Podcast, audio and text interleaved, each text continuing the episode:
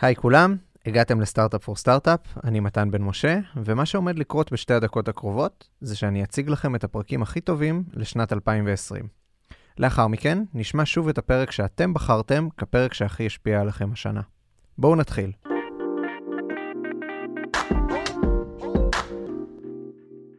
מתחילים.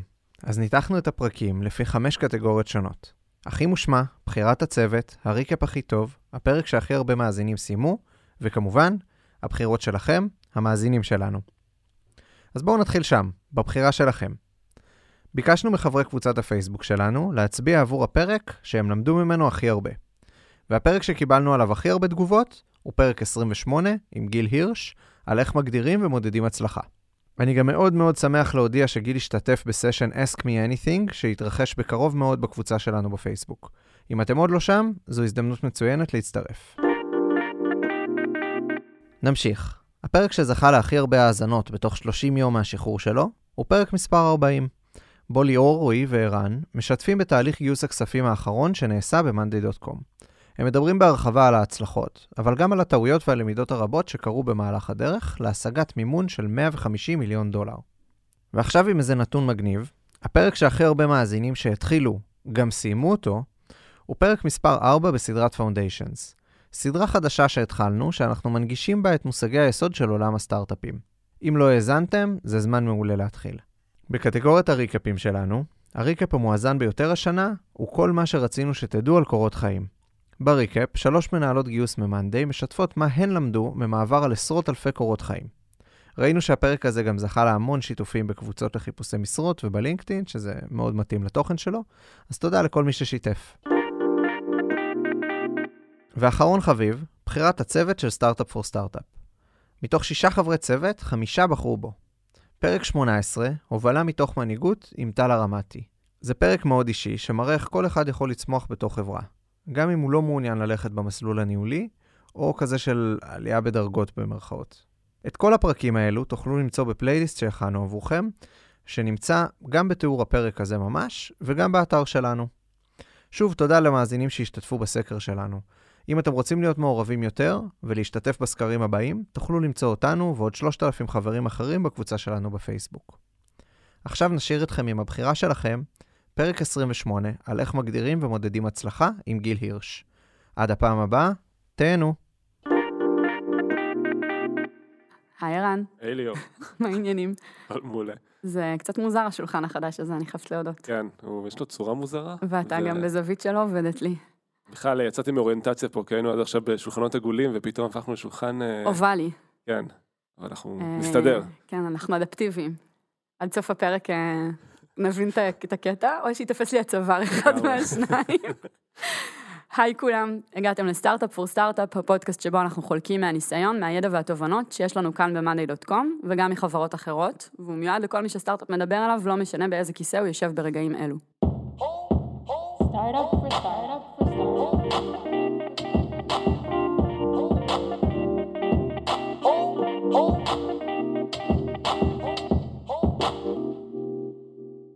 הנושא שנתמקד בו היום הוא הגדרות הצלחה, מה שנקרא KPIs.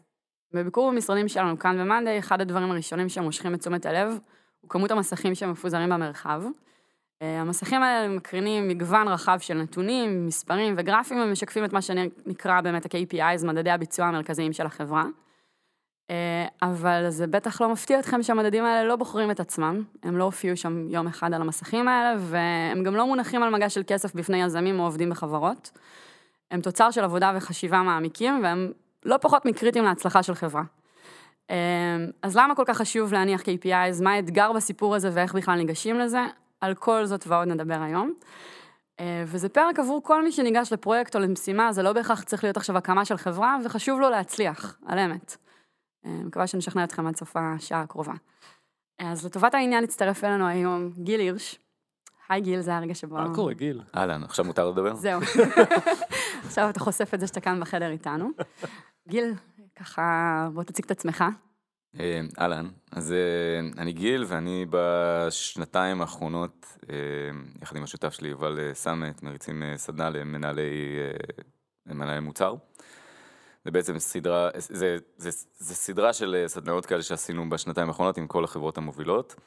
המטרה שלנו היא להגדיל את כמות אה, מנהלי המוצר שהם מה שנקרא World Class בארץ. World Class זה אנשים שעוברים ראיון בסיליקון וואלי, כרגע זה הנייר לקמוס, אני מקווה שיהיה יותר טוב מזה. והתחלנו עם זה כי חשבנו ש product management זה משהו שראינו אותו עובד ב scale, ב... אמ, אה, יובל ראה את זה בקלרנה, בשוודיה, ואני ראיתי את זה בפייסבוק, שעבדתי שם אה, בקליפורניה. וחשבנו להביא את, את החשיבה הזאת של איך עושים את זה ואיך עושים את זה ב scale, אמ, כדי לשפר את הביצועים של אה, חברות ישראליות, שאני מאוד אוהב. והתחלנו לעבוד בהתחלה עם חברים, פשוט מהתעשייה, והאמת שגם ערן הוא אה, חבר קליקת של. חבר. אה, רועי, אה, ישבתי איתו בהתחלה, ואז אה, רן ישר נכנס, וככה התחלנו את המערכת יחסים שלנו פה, והיום, אה, רק לתת קונטקסט, אה, מעבר, מעבר לסדנה שעשינו ביחד עם מאנדיי, היום אני אה, כבר שנה מייעץ למאנדיי בנושאי product, ובעיקר עובד עם מנהלי מוצר. אז תכף נבין באמת מה הקשר בין product ל-KPIs. אה, ערן, אתה רוצה להוסיף את ה context שלך לסיפור? אה, להציג את גיל מנקודת מבטך כזה? כן, אני קודם כל אציג את הדשבורדים, כי הזכרת אותם. אז אה, אנחנו מודדים KPIs ממש מהיום הראשון של החברה.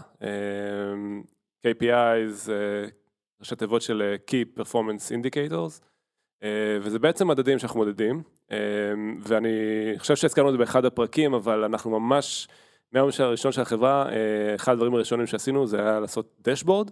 אה, בדירת חדר וחצי שהייתה לנו בתל אביב, ועליו היה אה, מספר אחד, שהיה כמות אה, חברות המשלמות שהיו לנו בחברה.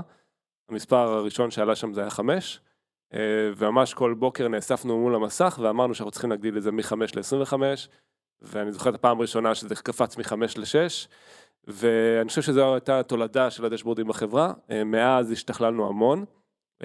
יש לנו פה המון המון טלוויזיות בכל המשרד, ויש לנו טלוויזיות שמציגות דשבורדים שבעצם מציגים אה, KPIs מהמון תחומים, החל מהביצועים הפיננסיים של החברה, דרך marketing, sales, customer success, כמעט כל, אין דבר בחברה שאין לו דשבורד כזה. Um, וזהו, ובעצם uh, הזווית שלי על גיל, אז בעצם לפני uh, שנה, בעצם uh, כמו שגיל אמר, פגשנו את גיל, um, והאמת שזה היה מצחיק, כי אנחנו מדברים פה על מדדי הצלחה, אבל גיל דיבר איתנו בזמנו על product. אה, וזה נראה לא קשור, אבל זה, שני הדברים האלה קשורים מאוד מאוד אחד לשני, ואנחנו נדבר על זה גם במהלך הפרק. אבל אה, אנחנו באותה נקודת זמן בתור חברה, אה, היינו בסיטואציה כזאת שהחברה כבר הייתה יחסית בוגרת, לא כמו עכשיו, אבל יחסית בוגרת. היו לנו שני מנהלי מוצר בחברה, אבל בגדול לא היה לנו fucking מושג מה זה אומר product. שלא נאמר שתי מנהלות מוצר בחברה. שתי מנהלות, כן, מנהלים בתור רבים.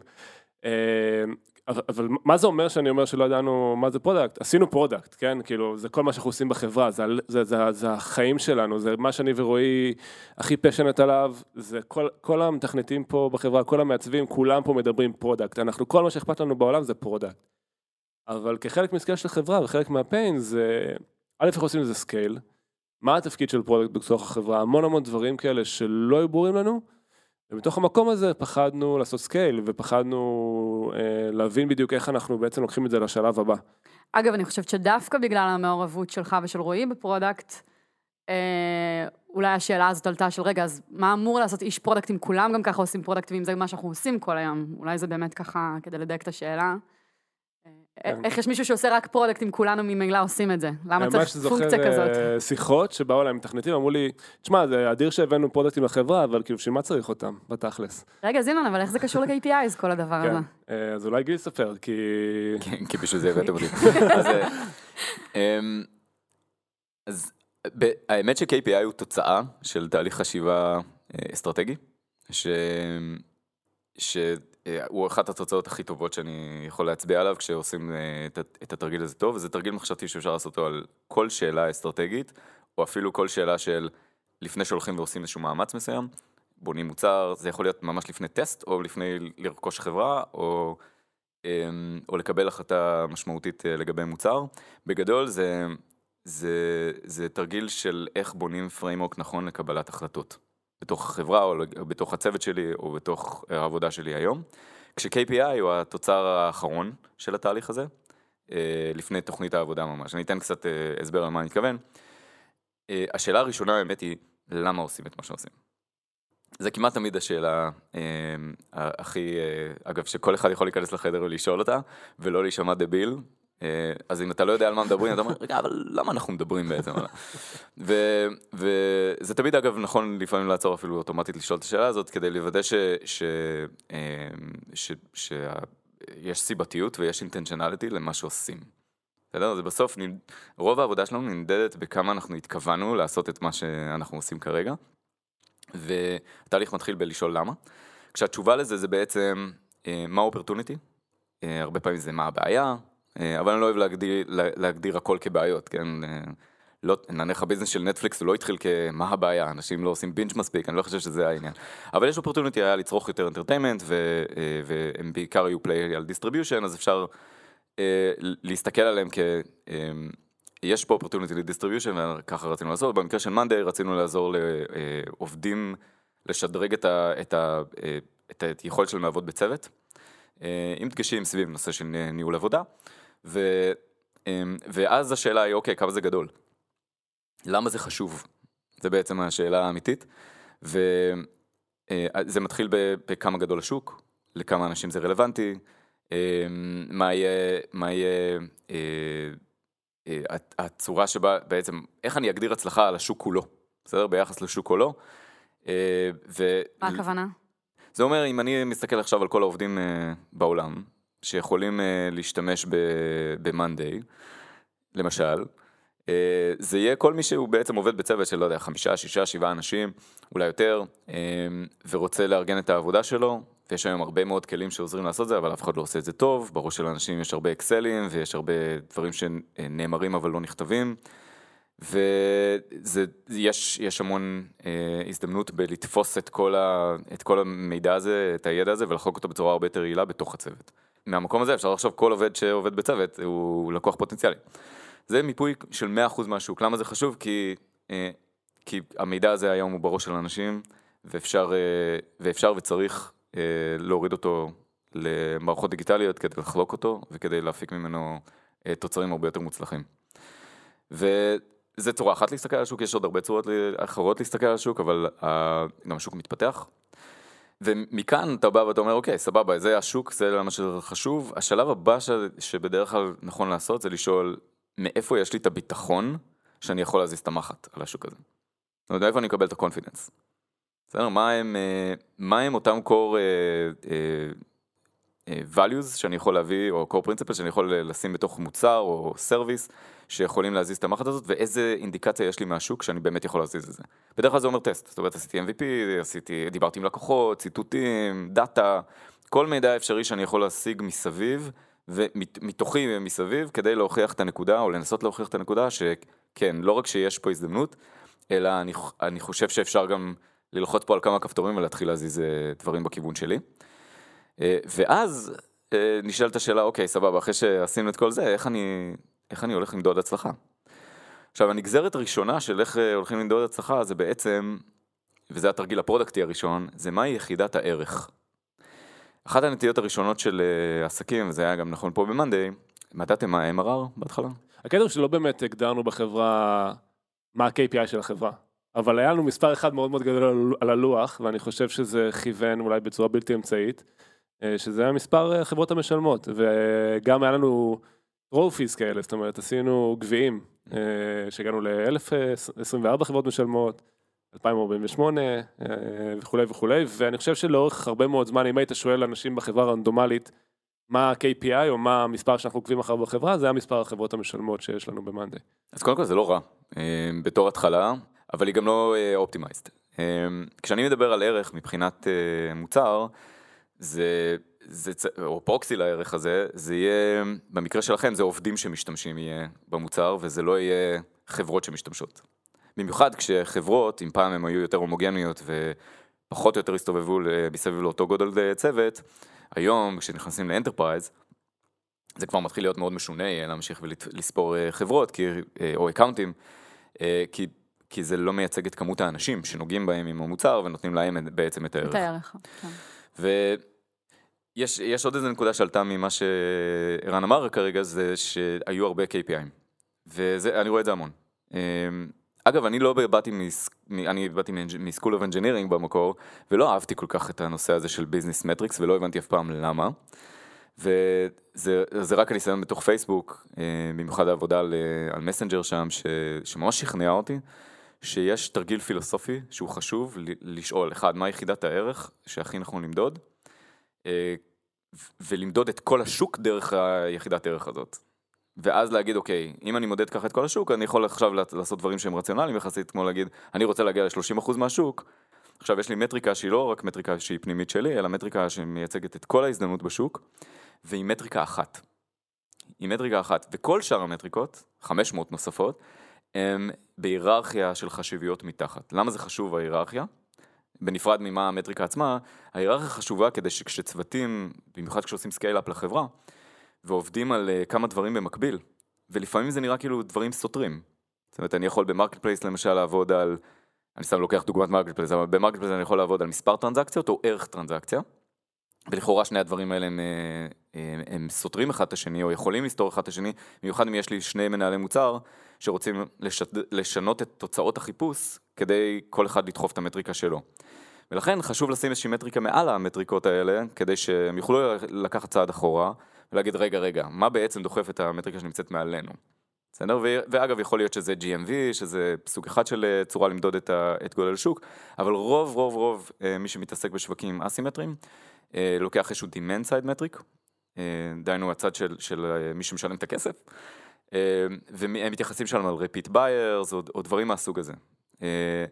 עוד פעם, סתם דוגמה שלא קשורה למאנדיי, במקרה של מאנדיי, המעבר מאקאונטים לעובדים, שם קודם כל את הדגש על הערך לעובד, על, של העובד, של מי שממש נוגע במערכת ואמור אה, לתקשר עם חברי הצוות האחרים שלו. אה, וכל שאר המטריקות הן כל שאר המטריקות והן נמצאות מתחת. אז נתת שתי דוגמאות uh, ספציפיות, אחת על marketplace ואחת על מאנדיי, בוא ניקח את זה שנייה חזרה לכלל. כשמישהו מאזין עכשיו לפרק הזה ומנסה להבין איך הוא מגדיר לעצמו את יחידות הערך שלו, הוא או היא, מה, איך ניגשים לזה? אז קודם כל צריך לשאול את יודעת, בסוף יש בעיה מסוימת או אופרטוניטי מסוים בשוק. אני לא מסתכל על פתרונות אגב, בתור יחידת הערך, אלא אני מסתכל על, ה, על ה, מה ההזדמנות. אה, הרבה פעמים אוהבים לשלוף אה, דברים כמו, אה, הנרי פורד אה, אמר שאם הוא היה שואל אנשים מה ההזדמנות במכוניות, זה בוא, בוא נגדל סוסים מהירים יותר. אבל מי שמקשיב ממש טוב לתשובה הזאת, אני חושב שזו פרשנות לא נכונה לבוא ולהגיד אל תקשיב, זה בעצם אה, מהאסכולה של אל תקשיב תמיד למה שהלקוחות מבקשים, אני, אני לא אוהב את זה, כי בעצם הלקוחות כן ביקשו משהו מסוים, הם ביקשו להגיע מנקודה א' לנקודה ב' יותר מהר. ו, וזה מה שהוא בנה להם. שימו לב, הפתרון הוא לא מה ששינה פה, מה ששינה פה זה שאנשים רצו, היה demand ללהגיע יותר מהר. אה, ממקום למקום. שלכאורה אפשר לפתור, לא לכאורה, על פניו אפשר לפתור אותו בכמה דרכים שונות. בדיוק. לכן אתה אומר, הרכבים הם לא העניין, או הסוסים הם לא העניין, אלא המהירות. בדיוק. ולכן מראש אתה כבר יכול לבוא ולהגיד, אוקיי, כמה אנשים רוצים להגיע יותר מהר ממקום למקום, ו, ואיך, ומכאן איך אני הולך למדוד הצלחה, זה, זה יהיה, אוקיי, אני נתתי ל-X אנשים, בסדר, את ההזדמנות להגיע יותר מהר מנקודה A לנקודה B, ואני ממש יכול למדוד, לבנות עקומה, ולהגיד, אה, אני בעוד חמש שנים רוצה שלא יודע, 20% מאנשים ב-rural areas יוכלו אה, להגיע יותר מהר לעיר. ואני יכול אפילו לשים מדד בכמה. אה, כל צורה שבה אני בעצם מודדת האם, האם פגעתי או לא פגעתי בהזדמנות או תיקנתי את הבעיה בשוק, זה, זה התחלה טובה. אבל יש עוד תנאי. התנאי השני זה שזה צריכה להיות מטריקה שזזה מהר. היא לא רק חשובה, שזה התנאי הראשון, אלא היא גם צריכה להיות אה, מטריקה שזזה מהר. אנחנו משתמשים בכלים כמו AB, ואנחנו מודדים את הפרפורמנס שלנו. AB as in AB testing. AB testing, כן. או AA testing לפעמים, כי אין לנו את היכולת לעשות AB. אבל הרעיון הוא, הוא עוד לפני כל הדברים האלה, זה ש... ש כשאני רוצה לגרום לצוותים לזוז מהר על, אה, על אה, תוצאות, אני, אני צריך לבחור איזה משהו שהוא proxy שזז מהר. אז לפעמים זה לא ממש, ה, אה, המטריקה לא תמדוד את הערך הסופי, אבל תהיה proxy מצוין לערך הזה. למשל, במקרה של מכוניות, אני פשוט יכול לשאול כמה מיילס were driven. למשל, במקרה של Waze, גוגל, כל החבר'ה האלה, אני מנחש שהם מודדים משהו כמו כמות הנסיעות. פשוט שנעשתה עם האפליקציות. זאת אומרת, זה פרוקסי ל, ל, אמ, לש, לשיפור אה, אה, החוויה על הדרך שהם הביאו, והם, והם יכולים למדוד את זה ברמה יומית, והם יכולים ממש לעשות לונץ' ולמדוד את זה אפילו ברמה של שעה. אה, וגם יש הרבה ווליום של, של המטריקה הזאת, שזה גם חשוב מאוד ליכולת לעשות A-B test. גם המקרה של מאנדיי, מ accountים לעבור לעובדים, פנטסטי, זה, זה מעלה את ה volume. ואפשר אה, אפשר לעשות עוד יותר A-B testing רק, ה, רק בגלל שעשית את המהלך היחסית טכני הזה. שבעצם כאן אתה מתחיל להתחבר לזה שזה בסופו של דבר כלי עבודה, כלי עבודה. ומשהו שאמור לחזור באמת ל product, כמו שערן סיפר לנו, רמז לנו קודם.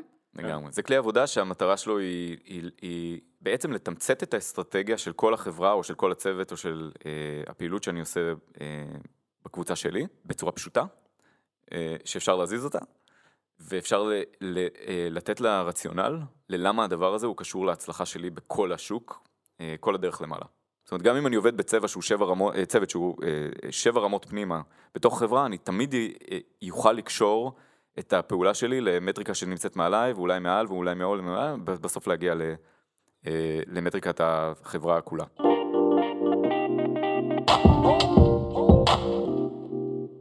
אני רוצה שנייה כן לחבר את זה לעולם, כי אני חושב שאם גיל היה בא ופוגש אותי ואת רועי לפני שנה, והיה אומר לנו, תקשיבו חבר'ה, אנחנו צריכים לעשות איזשהו דיון פילוסופי על מה המטריקה של החברה, היינו בגדול אה, בועטים אותו מה, מהחלום באותה שנייה, כי כאילו, איך התחלנו באמת הדיון? תזכיר לי.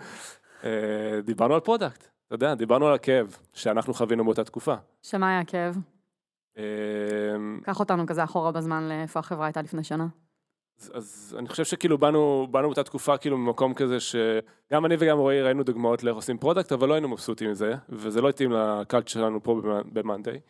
בעיקר כי ראינו דוגמאות לאיך אה, אה, בא איזשהו VP product בחברה, ופעם ברבעון מציג מצגת, חבר'ה זה מה שהולכים לעשות היום, ממציא דברים במוחו הקודח, יכול להיות שהוא גם אה, מראיין userים או כל מיני דברים כאלה, ואז כל הפיתוח והעיצוב צריכים לקחת את, ה- את לוחות הברית האלה ולעשות execution, ו... דבר מש- המנכ"ל. כן. חוזר, חוזר ה- VP product, אה, זה פשוט, זה, זה מייצר דברים נוראים, כי אנשים עושים דברים שהם לא מבינים למה, הם עושים דברים כדי לעשות אותם, הם לא שם בשביל לתקף את זה, ההצלחה מבחינתם זה זה שהם סימנו וי, וי על זה שהם אה, עשו את ה feature, ואני ורועי לא ידענו מה לעשות, איך לבנות את ה product, אבל ידענו מה לא לעשות. אני יודעת שאת זה אנחנו לא רוצים בחברה שלנו. ואני זוכר שישבנו עם גיל ו...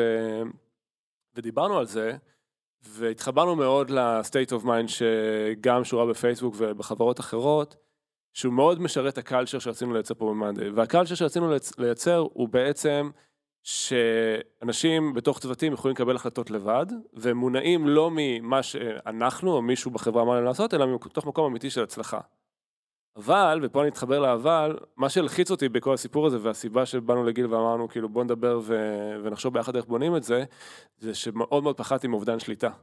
כי כשהיינו חברה קטנה, אז אני ורועי היינו מאוד ב details, ויכלנו לכוון את זה, אבל uh, once עשינו scale, אז uh, פתאום נורא מלחיץ. ועודנו עושים, כן. בעודנו עושים scale, אז אני לא, אה, אנחנו לא ב details, אנחנו כבר לא יכולים להיות ה founderים שמעורבים בכל דבר שקורה. אנשים בחברה בצוותים שונים לא יודעים מה קורה בצוותים אחרים, וידעתי שאני לא רוצה לעשות scale על הדבר הזה בזה שאנשים יבואו אליי לאישור, בסדר? או שכאילו זה צריך להיות למעלה איזושהי פונקציה של VP product, כי אז הכל זז הרבה הרבה, כאילו, הכל גרוע וזז לאט, אלא רצינו לייצר את היכולת שלהם להתקדם קדימה. ואז כחלק ממה שדיברנו עם גיל, אה, וזה עכשיו מתחבר לנושא שאנחנו מדברים עליו, זה שאמרנו, וזה היה ה breakthrough בתוך הסיפור הזה, זה הכלי הזה של KPI, הוא בעצם כלי של הכוונה, מבלי להיות שם ביום יום. אבל דווקא התחלנו מהצוותים עצמם, לא התחלנו מהחברה. הגענו לשם, ותכף גם נסביר איך הגענו לשם, אבל התחלנו מהצוותים. והבנו שאם אנחנו מגדירים מהי הצלחה לצוותים, אנחנו לא צריכים להגיד להם מה לעשות. אני גם לא צריך כל יומיים לבוא ולדבר איתם בשביל לוודא שהם עושים את הדבר הנכון, כי הסכמנו כבר איך נראית ההצלחה, והם יודעים בעצמם אם הצליחו או לא. הם לא צריכים לבוא אליי כדי שאני אהיה שופט, ואני אגיד הצלחתם או לא הצלחתם, או נראה לי או לא נראה לי, זה כבר לא שאלה. אני יכול לבוא ולהגיד זה לא נראה לי, אבל הם יגידו, תקשיב, אבל זה מזיז את ה needle. אז אני חושב שזו טרנספורמציה מאוד מהותית שעשינו כחלק מה, מהסדנה שעשינו ביחד עם גיל. שמה? שדבר ראשון, מה בפועל קורה? מה, כאילו? מה, מה שבפועל קורה, אה, דיברנו על task forceים, אז בעצם לוקחים קבוצה של אנשים, שזה product, מפתח ומעצבים, אה, ובעצם דבר ראשון ביחד איתם, מגדירים איך נראית הצלחה. ש- שהם אוקיי, יוצאים כלומר, לדרך. הצוותים הם חלק מתהליך ההגדרה, זה לא שאתה גם יושב ב- כן, באיזשהו חדר, לחלוטין. אתה ורועי וגיל, מגדירים ומנחיתים. כן, זאת אומרת, אם אני אגדיר להם והם לא יסכימו עם זה, זה לא יעבוד טוב. אה, אבל אנחנו מגדירים ביחד איך נראית הצלחה, מסכימים על זה. שזה שונה לגמרי מלהסכים על product מסוים, או על UI מסוים, או על... פשוט מגדירים איך נראית הצלחה. יכול לתת דוגמה? דוגמה טובה שאני זוכר אה, משירלי. אה, הייתה דוגמה ל... שירלי היא אשת פרודקט בחברה. אשת product בחברה, כן. אה, מאוד מוצלחת גם, והדבר הראשון שאני זוכר שעבדנו עליו ביחד היה מה שהיא קראה לו אז deadlines, שזה קצת חוטא למטרה אולי כי זה מגדיר אה, פתרון, אבל, אבל זה הוא גם מגדיר יפה את אה, תחום הבעיה. מאנדיי למי שלא יודע, מאפשר אה, אה, להסתכל על רשימת מטלות ולארגן את, אה, את העבודה בצורה הזאת, אבל אחד העמודות שם, עמודות תאריך, היא בעצם הייתה עמודה של, שלא עזרה לך לנהל את העבודה, כי כשעבר התאריך או התקרבת לתהליך, לתאריך, לא, לא קרה כלום, ואז כשהיו לך הרבה מאוד משימות, כל הנושא של פולו-אפ על האם העבודה מתקדמת כמו שאני רוצה או לא, הפך להיות אה, לעבוד בשביל הכלי במקום שהכלי יעבוד בשבילי. וההזדמנות שהיא זיהתה שם זה שאנשים שהם אה, עובדים עם dates וכן משלמים את המחיר של לעשות את ה follow-up בעצמם, זאת אומרת מעבר אה, בעין על אה, איזה תאריכים חרגו או לא, אה, הוא, אה, הוא, הוא בעצם הזדמנות אה, אדירה כי, כי האנשים שעושים את זה הם, הם יותר מצליחים כצוותים לתקשר גם אחד עם השני. שזה אגב בדיעבד לא איזה משהו אה, ש, שמאוד אה, מאוד מפתיע, אבל מה שכן היה מפתיע זה להראות אה, כמה, כמה הדבר הזה הוא משמעותי. למשל, איך נראה ה-retention של, איך של, של weekly active paying person במערכת, אם הוא כן או לא משתמש בדייטס בצורה אפקטיבית. ומעבר לזה גם היה פידבק מלקוחות, הלקוחות הגדולים יותר, היו אה, אירוע המון תסכול מהמוצר אה, בגלל הנקודה הזאת, אז היא הביאה קוואטים ממה שצילמה בווידאו והיא הראתה את זה. היא הראתה המון סטטיסטיקות על מה קורה אה, כשאנשים כן או לא משתמשים ואיך אה, אפשר להשוות אותם אחד לשני. ובעצם נתנה, אה, לא יודע, זה היה איזה 20 slide-ים של נתונים מתוך המערכת ומחוץ למערכת, של למה הדבר הזה הוא כל כך הזדמנות. שימו לב שבנקודה הזאת היא לא דיברה על פתרון. היא ממש דיברה, הנה ה opportunity שלנו, וזה feature אגב, זה לא ברמת כל החברה. אבל היא קשרה את זה לרמת כל החברה, כי אני מגלה פה אגב שה top line שלכם זה weekly actives, וה, והיא קשרה את זה לשם. זאת אומרת, היא ממש הראתה את הקשר הלוגי בין, בין אנשים שמשתמשים ב dates כדי לנהל את העבודה שלהם, לבין, אה, נקרא להם אנש- אה, user-ים מרוצים, בסדר? בכל, בצורה אה, כלשהי. וברגע שאתה מראה את הקשר הזה, אתה יכול להתמקד בתת מטריקה שלך, וזה להגיד, אוקיי, אני רוצה עכשיו לראות adoption. אני, אה, אחרי ששכנענו והשתכנענו שיש פה כנראה הזדמנות, אני אגדיר את ההצלחה כפונקציה של כמה אנשים מתוך ה base שלנו עושים adoption. מאמצים, כלומר, את, ה... את ה feature החדש. מאמצים את ה feature החדש, או בלי להגדיר מה זה ה feature אפילו.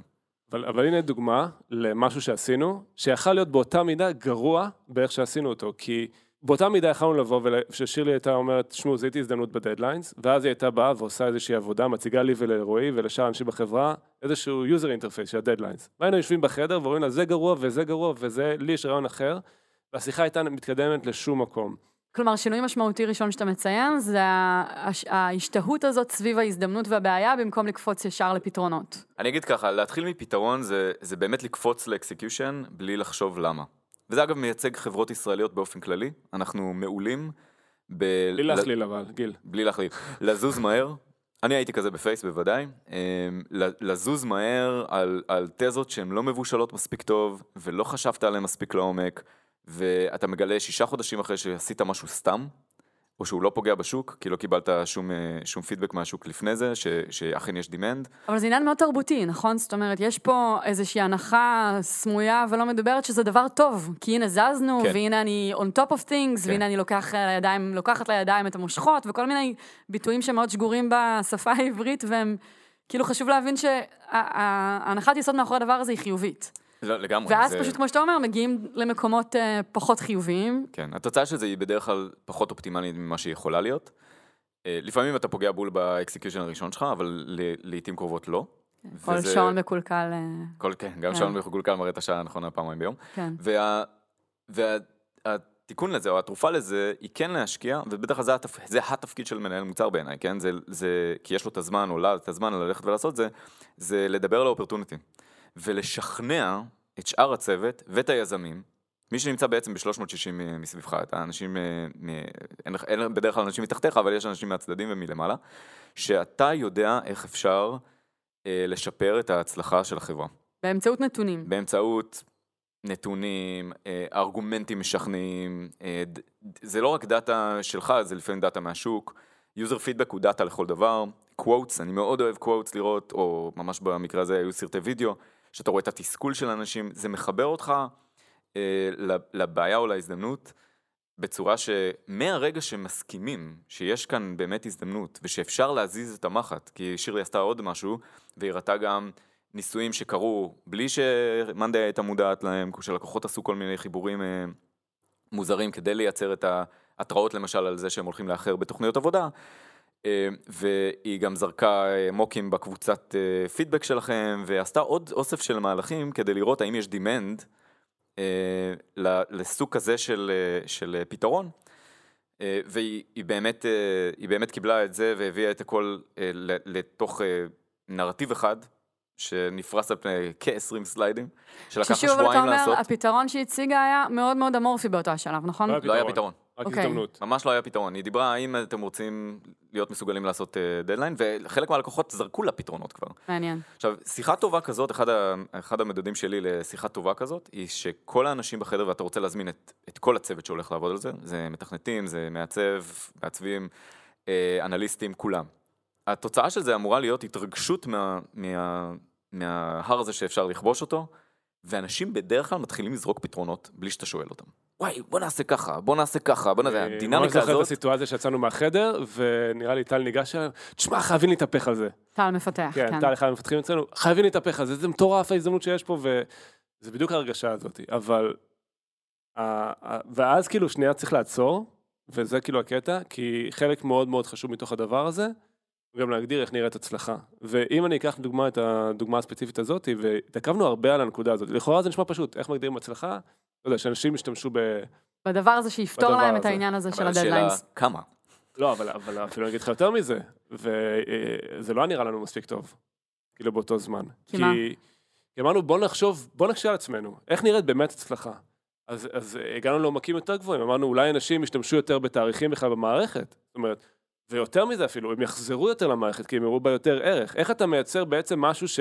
אני מאוד אוהב אה, להגדיר הצלחה במשהו שאנשים צריכים פרואקטיבית, לעשות משהו, להיכנס לאתר, לשלם, אה, לעשות משהו שהוא דורש ממאמץ, כדי להדגים שהצלחת להזיז את ה needle. אני זוכר ממש דייקנו את זה למקום שה-KPIs ששמנו באותו task force היו, אחד, שאנשים ישתמשו יותר בתאריכים, זאת אומרת, הם ישתמשו כבר היום, אבל אנחנו הנחנו שאם יהיה להם facility יותר טוב לקבל reminders, זה ייתן להם הרבה יותר מוטיבציה להשתמש בתאריכים.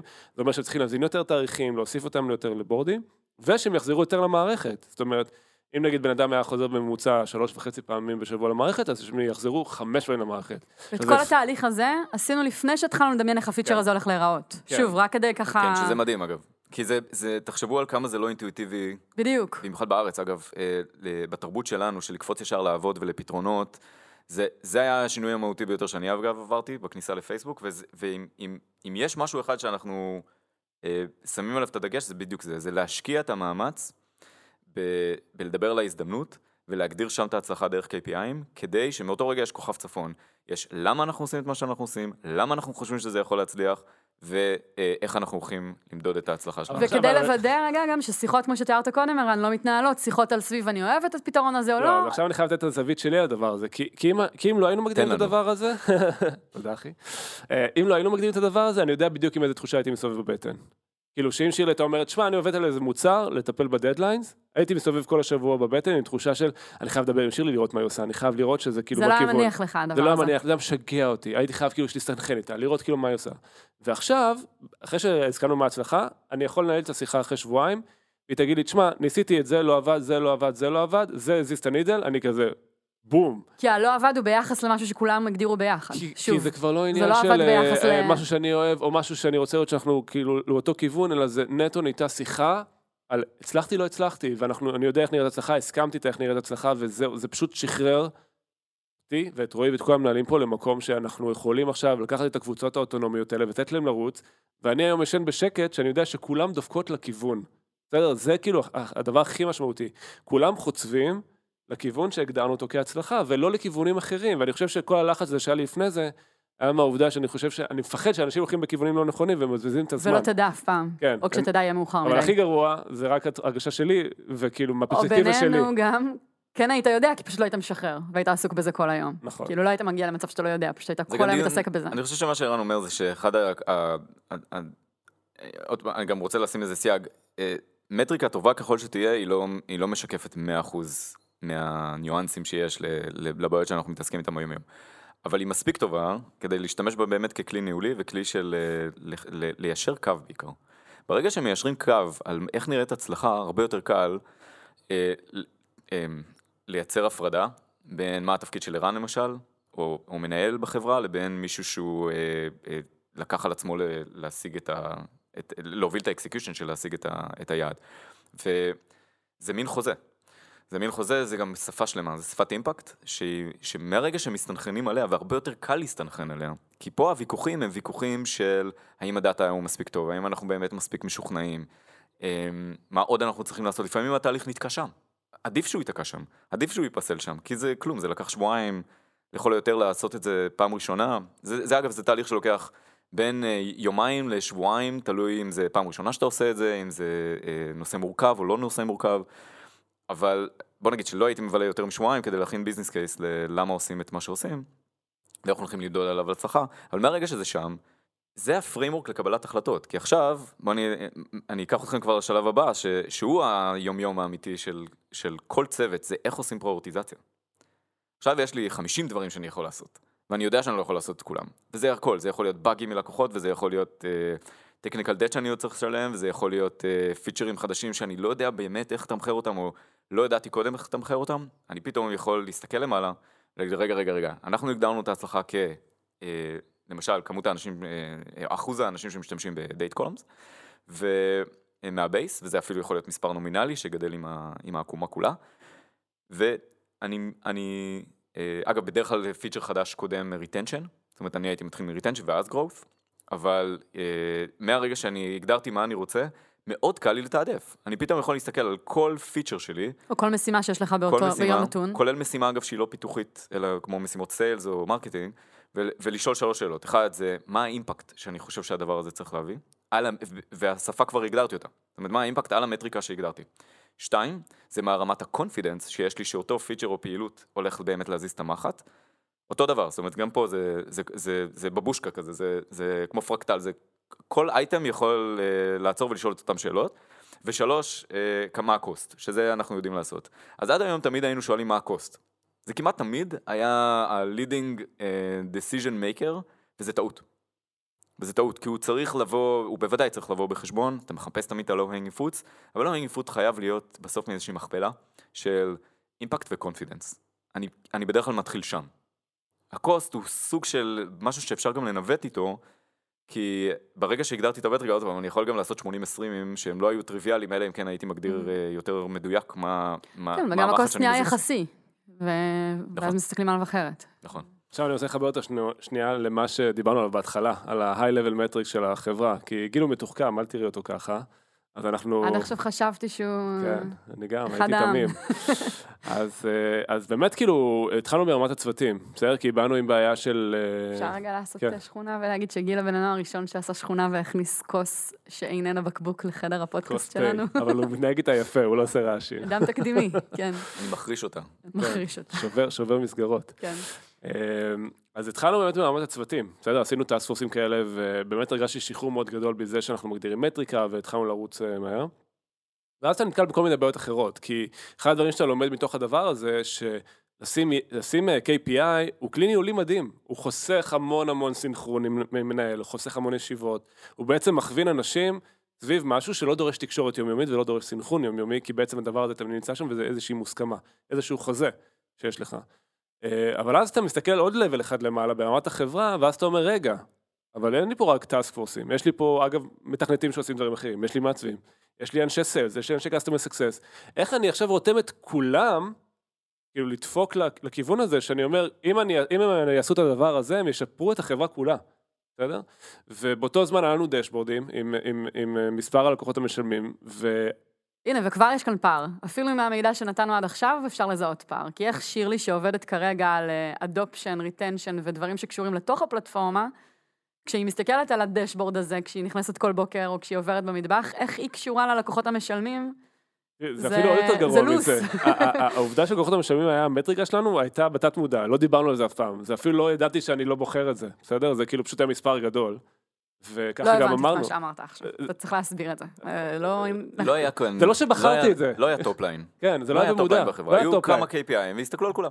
כן, אה, הסתכלו אבל על איך כל- החלטת לשים דווקא את המספר הזה על לא- ה dashboard המרכזי? אה, לא יודע, זה זה היה המספר הראשון ששמנו, ושמתי, אפילו אני תכנתי את זה אז בזמנו, שמתי פונט 100 וזהו, זה נשאר ככה מאז. ו- והרבה פעמים ששאלו אותי מה קורה בחברה, ומה שחגגנו היה את זה, אולי בתת מודע, כן? זה מצחיק, אה, יעל אשתי, אבא שלה, דוב, הוא עד היום, כל יום שישי שאני פוגש אותו, שואל אותי כמה לקוחות משלמים יש לנו. תראה כמה זה חזק הדבר הזה. זה מטורף. עכשיו, אני אמרתי לו כבר לפני שנה, דוב, אנחנו כבר לא מודדים את זה. זה כבר לא, אני כבר לא יודע. הוא אומר לי, איך אתה לא יודע? זה הדבר הכי חשוב. לא, לא, לא, הוואפ זה הכי חשוב. עזוב, כמה לקוחות משלמים יש לכם? אנחנו כל יום שישי מנהלים את השיחה הזאת. אה, ו- ואני מבין כמה זה חשוב הדברים האלה. כאילו, זה נצרב לאנשים במוח ומכוון אותם ביום-יום. עכשיו, שירלי, באותו מקרה שהיא עבדה לשפר את הדייטים, היא לא הוסיפה לנו לקוח משלמים, לקוחות משלמים. אולי חלק מאלה שעשו, נכנסו עכשיו לכלי, ישלמו יותר, כן, אבל... אינדירקטלי, מה שנקרא, זה לא היה משהו שאפשר... אה, היא בעצם. עבדה על, ש... על כלי משמעותי, קודם כל היא שיפרה את, ה... את הערך של המוצר, מה שאם מחפשים כבר אה, איזשהו, איזושהי מטריקה זה, זה retention. בדרך כלל זה מעלה את ה-retention, ורוב הפעילויות שאנחנו עושים כמנהלי מוצר הם פיצ'רים בתוך המוצר שמעלים retention. יש כאלה שגם מעלים acquisition, אבל זה, הסט פיצ'רים הזה הוא לא סט ש... בוא נגיד, לא הייתי משווק עכשיו, היי בוא למאנדיי, כי... נעזור לך לנהל כן. את התאריכים. כן, כי, כי אנחנו גם נתריע כשאתה תאחר, או איזה משהו כזה, כי זה, הציפייה הייתה שזה מראש יהיה שם, זאת אומרת, זה כמעט השלמה לאחור אפילו.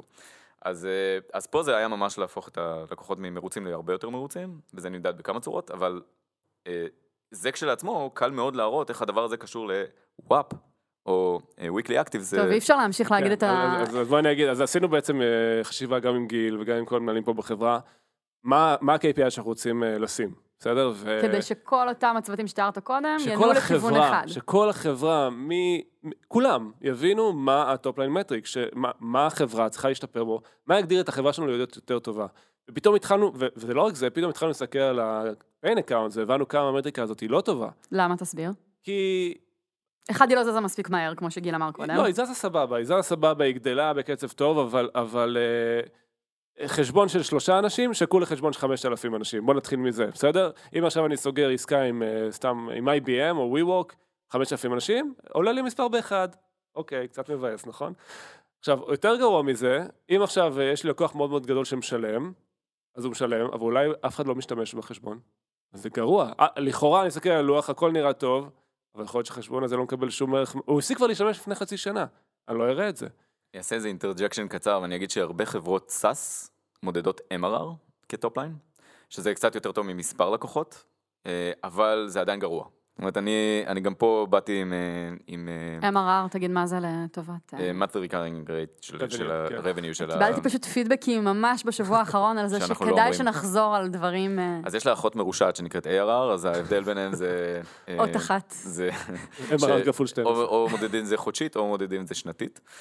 ו, אה, ויש גם אה, אדפטציות לזה, אם זה run rate, או אם זה באמת האקומולטור של כל שנה. אני לא נכנס לפרטים האלה, אני, אני רק אומר שיש הרבה דרכים למדוד כמה כסף נכנס לחברה. עכשיו, אני רוצה להיות מאוד ברור.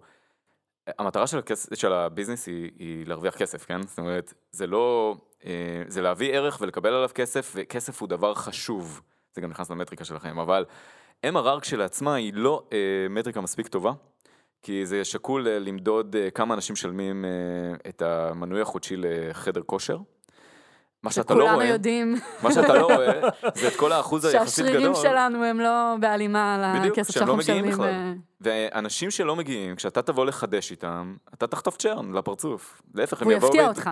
הם, הם יבואו וידרשו אפילו את הכסף שלהם חזרה, אני, והם אני, אני. יכול לדמיין שיחה של מישהו מחדר כושר מתקשר אליך אחרי שנה שלא היית, ואומר לך, רוצה לחדש? אתה כזה, רוצה להביא לו איזה כף על הפנים באותו רגע. עכשיו, חדר כושר שהוא טוב, שהוא באמת חושב על ה business שלו בצורה נכונה, היה צריך למדוד את כמות האנשים שמגיעים, ובוא נגיד לפחות פעם בשבוע.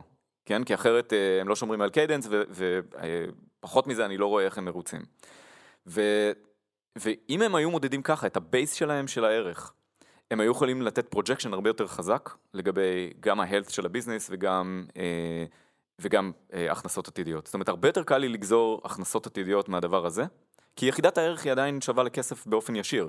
כמות האנשים שמגיעים היא כמות האנשים שמשלמת, אבל אני לא רוצה למשל לספור את כל אלה שלא מגיעים, כי, כי הם, אני או צריך לנחש שאני צריך לעבוד עליהם כדי שיגיעו, או שהם ייגרעו לי ב- באיזשהו שלב מהמצבה, והם הם אולי מכניסים לי, אבל זה קצת בונוס. רק נתחבר כאן גם למוצר, מתוך מה שאתה מתאר, גם חדר כושר יכול להחליט מה האסטרטגיה לשנה הבאה מבחינת ההשקעה למשל. יש הרבה... במכשירים ליגרים. חדשים, זאת אומרת, הרבה דברים נגזרים לגמרי, מהתמונה לגמרי, השונה לגמרי. הזאת שציירנו הרגע. כן, כי אני, פתאום ברגע שאני בא, אני אומר, אני רוצה, ואנחנו תכף נצא מהמטאפורה המטופשת הזאת של, של אה, חדרי כושר, אבל, ונעבור למאנדיי, אבל... למרות שהיא הכי בסיסית, אתה יודע, מי שרוצה להבין. סאס, אתה הולך לחדרי כושר, כן, אין מה חדרי לעשות. כושר זה, זה דוגמה מצוינת, כי באמת זה מסביר אה, מה, סאס, KPI, זה הכל שם מה בדוגמה. ההתנהגות האמיתית של אנשים, אגב, מול כל כן. שירות.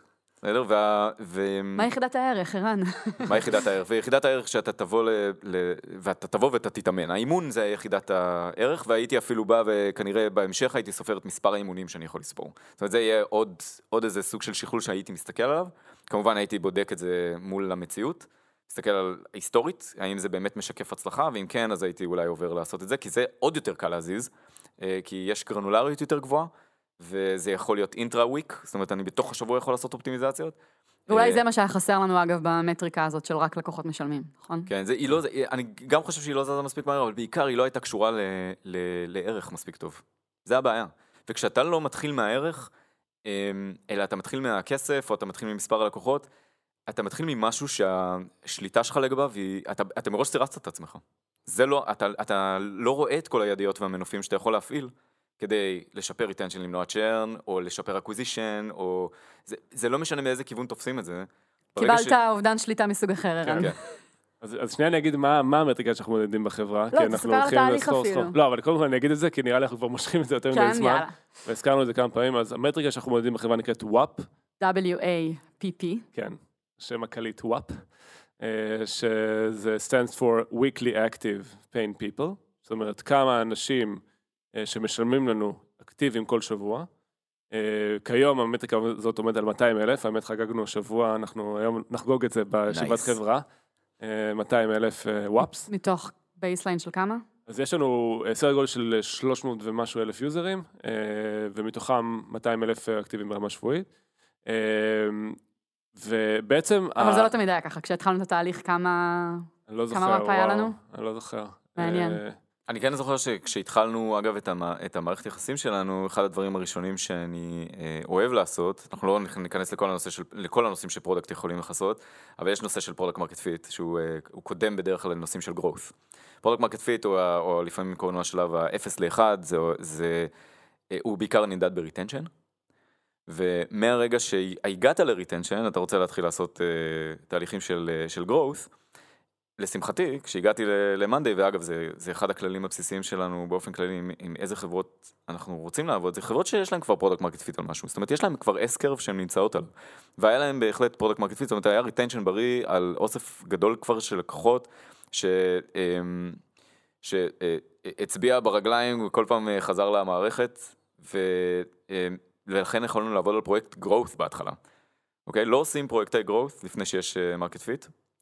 Uh, you can't A-B test yourself into a, a new value proposition in the market, וסליחה שזה יצא לי באנגלית, אבל מה, מה ש... אה, ומשם התחלנו, וככה בנינו את האמון בתוך הצוות שאפשר לעשות. אני מאוד ממליץ אגב, להתחיל דווקא עם פרויקטי growth, אה, כי הם, אה, הם בדרך כלל יתחילו עם דברים שקל מאוד להזיז, וקל מאוד לייצר ניצחונות, כשאפשר, אתה מתכוון. כשיש פרויקט כשהחברה market fit. נמצאת במ... כן, אוקיי. אחרי שיש product market fit, שם הייתי מכניס אה, הרבה מה... הייתי אגב לוקח כל מנהל מוצר בחברה ונותן לו לעשות פרויקט growth אחד לפחות, כי זה יוצר משמעת סביב, תסביר רק שוב לוודא מטריקות. שכולם איתנו על מה זה פרויקט growth, כשאתה אומר פרויקט growth. קודם כל, כל מה שהחברה עושה היא עבור growth, כן? אבל כש, כשבשפת הלעז אה, מתכוונים אה, growth, אה, או growth teams, או אה, growth tactics לפעמים, אה, מתכוונים לשלב שבו אתה לוקח מוצר שכבר עובד, ויש לו product market fit, דהיינו יש retention, יש cohort שלגביו יש retention על המוצר, ואתה אומר, אוקיי, אני, אה, אני רוצה עוד. אני רוצה עוד כאלה, ובעיקר הפוקוס הוא על אה, איך אני מסיר חסמים לעוד אנשים, לעוד אוכלוסיות, להגיע לאותו ערך. אני לא מחפש לייצר ערך חדש. בסדר? אה, אני אתן דוגמה, לפתוח ולתרגם את כל המוצר לעוד שפות, זה צורה של להוריד friction, למשל לאנשים בגרמניה שהם הם פחות חזקים באנגלית, אה, לעשות adoption למוצר שלי. ברגע שאני עושה את זה, זה מתחיל מה marketing, כל הדרך למטה עד למוצר עצמו. אני, אה, יש פה הזדמנות growth. כמה היא גדולה? לא יודע, צריך לעשות איזשהו ניסוי, לראות האם הדבר הזה זז וכולי וכולי, זה הרבה יותר גם data driven. Uh, כדי לסבר את האוזן, צוות growth טוב מגיע לעשרות טסטים בחודש. אה, במקסימום, אבל זה דורש בנייה של תשתיות טובות, זה אה, לא תמיד מתאפשר בכל אה, ביזנס, ב-B2B זה יותר קשה, אבל עד כמה שאפשר, זה, בין, זה לפתח bandwidth להרבה מאוד ניסויים, לא גדולים, שהמטרה שלהם היא, היא, היא להסיר חסמים. בעיקר להסיר חסמים, וזה יכול להיות לתקן, לתקן באגים זה גם להסיר חסמים, להוריד latency זה להוריד חסמים. יש הרבה מאוד מנופים, ידיות ומנופים שאפשר להצביע עליהם כדי לעשות את הפעולות האלה. ובזה התחלנו, התחלנו בעצם ב funnel של ה acquisition, שאגב שם הם כמעט תמיד מתחילים, כי אה, הוא הכי משמעותי לחברה. ו... רגע, רגע, גיל, אבל אתה מה זה רץ קדימה? כי ערן רק סיפר לנו על ה week, על ה WAP שלנו, ועוד לא הבנו למה ואיך הגענו לזה, ו... אז, אז בואו נחזור אז לשם. אז בוא בוא נחזור נחזור לנקודה לשם. הזאת, כן. אז, אז... אני אה, בדרך כלל מה זה טובה בלסגור סוגריים, אבל הפעם אני מודה שנסחפתי גם אני. גיל, גיל טוב בלפתוח אותה. אני. אני אומרת, ואני טובה לסגור אותם, אבל אה, אבל לא- לא לא הפעם. שמתי לב שלא סגרנו את הוואפ. כן, אפשר פשוט להגיד וואפ. ו- סגרנו את הוואפ. לא, סגרנו את זה, אני רק אולי אספר על התהליך חשיבה שלנו. כן, כן. אז אני לא אספר, כאילו, א', עשינו את וגם זה. אגב, למה, בוא שנייה ניכנס לדיטלס, למה דווקא לקוחות אה, שמשתמשים באופן שבועי, למה לא חודשי, למה לא את כל יומי, השיקולים שלנו. ורק כדי לחבר את, עוד פעם, את כל מי שמאזין והוא נגיד יזם, אז זה שאלות שגם משקיעים שואלים אותנו, כן? כשפגשנו משקיעים חדשים בסיבוב, זה לא שכשאמרנו להם WAP, הם כולם מחאו לנו כפיים, הם ישר שאלו, אה, וחלקם היו מעולים וטובים ופוגשים הרבה חברות אה, SaaS, ועדיין שאלו, אז רגע, אבל מה, מה המדד היומי, ולמה זה לא מעניין אתכם? אז בואו ככה שנייה תכניס אותנו לרציונל של כן. מה זה WAP ולמה. אז אה, תראה, זה היה כזה תהליך של חשיבה שעשינו, ועלו עוד מטריקות אחרות, אני לא אעלה עכשיו במטריקות אחרות, אבל אני אספר למה בחרנו דווקא את זאת. אז אה, היו כמה שיקולים. דבר ראשון, רצינו לבחור מטריקה, כמו שגיל אמר, שהיא מספר אבסולוטי עולה. זאת אומרת, לא אחוזים. זאת אומרת, לא, לא- נגיד, יכלנו למדוד באותה מידה, אם רצינו למדוד כמה שמשתמשים בתוכנה, יכלנו למדוד כמה אחוזים מתוך היוזרים שלנו אקטיביים כל שבוע, והיה יוצא לנו נגיד 80 אחוז. אבל זה מטריקה מבאסת, היינו באים ללוח, כל יום היום היינו רואים 80 אחוז. אולי מישהו פעם אחת היה מזיז את זה ל-82, אבל זה גרוע. זה כאילו, זה מטריקה לא טובה, נגיד אחוזים. כי לא מאפשרת לחגוג הצלחות קטנות כי זה ביום-יום. מתקדם כן. לאט, זה תקוע הרבה מאוד זמן. לא רק זה, אגב, יחסים, ratios, אחוזים זה סוג של, של של משהו מעל משהו, הוא לא טוב בגלל שיכול מאוד להיות מצב שבו האחוזים האלה יורדים והעסק מצליח טוב. יותר, וזה כן. טוב. אם נגיד היינו מזיזים אחוזים, היינו יכולים להוריד את כל היוזרים שלנו לאחד, שהוא גם היה משתמש, היינו על 100 אחוז, למשל. והחברה הייתה אה, זה עוד. קופסה שחורה כזאת, קצת כן. כמו שתיארנו קודם. כן. להפריד אגב מפרויקט ספציפי ב growth שיכול להיות, בואו נשפר את ה funnel של ה acquisition ושם כן יש לי מטרה נקודתית לשפר אה, אח- אחוזים, אבל כי הוכחתי שהדבר הזה יעלה לי מטריקה נומינלית, זאת אומרת משהו שהוא ערך אמיתי שעולה. Up כן. and to the right. אז, אז, אז זה דבר ראשון, רצינו לבדוק שזה, לא, שזה מספר אבסולוטי ולא אחוזים, ולא משהו שהוא נשאר קבוע בזמן. דבר שני, רצינו לראות שזה עולה מהר. זאת אומרת, וראינו, אתה יודע, זה בני אדם, עשינו, הסתכלנו על דאטה, זה עולה מאוד מהר, ברמה יומית משתנה כל הזמן. עכשיו אמרנו, הלקוחות שלנו הם לקוחות משלמים, זאת אומרת, מי שמקבל ערך מהמוצר הוא לקוח משלם, יש לנו trial, אין לנו סיבה להסתכל על מי שנמצא כרגע ב trial, זאת אומרת, בניסיון של התוכנה למשך שבועיים, בואו נסתכל על מי שכרגע משלם לנו. ואז אמרנו, צריכים לתמוך בשני אספקטים, גם בלהביא לקוחות חדשים, וגם לתמוך בלקוחות הקיימים. וזה משרת את שניהם, למה? כי כשלקוח חדש מצטרף, הוא מוסיף אנשים ל WAP, כי אנשים משלמים חדשים יצטרפו, אז כל, מי, כל החבר'ה שעובדים ב sales, ב marketing, ב-customer success, תורמים למטריקה הזאת. ה marketing מביא לקוחות חדשים, ה sales בעצם עושים מכירות לחשבונות גדולים, פתאום אם מי-sales סוגר חשבון של שלושה אנשים, או סוגר חשבון של שלושת אלפים אנשים, מסתכל על ה dashboard והוא רואה מיד את כן, הקפיצה. המספר עולה או בשלוש או בשלושת אלפים, זה כן. fucking שינוי. מהכיוון השני, כל היוזרים שכרגע משלמים לנו ומשתמשים במוצר, אז פה אני מקבל אינדיקציה מאוד חזקה, כי אם יש לקוח מאוד מאוד גדול ששילם לנו על 5,000 licenses, ואף אחד לא משתמש, guess what, ה WAP לא עולה, ה WAP הוא אפס לאותו חשבון, אבל אם כל ה-5,000 משתמשים, אז זה מאוד משמעותי. אז פתאום, אם איש של customer success, או מישהו ב product הצליח לעשות, נגיד את ה-due date ששירי עשתה, וזה העלה את אותו לקוח מ-2,000 יוזרים שהשתמשו ל-5,000, זה הישג מטורף, אוקיי? אז כאילו, אם המטריקה הזאת תומכת גם בלהביא לקוחות חדשים, גם בלשפר את השימוש של לקוחות uh, קיימים.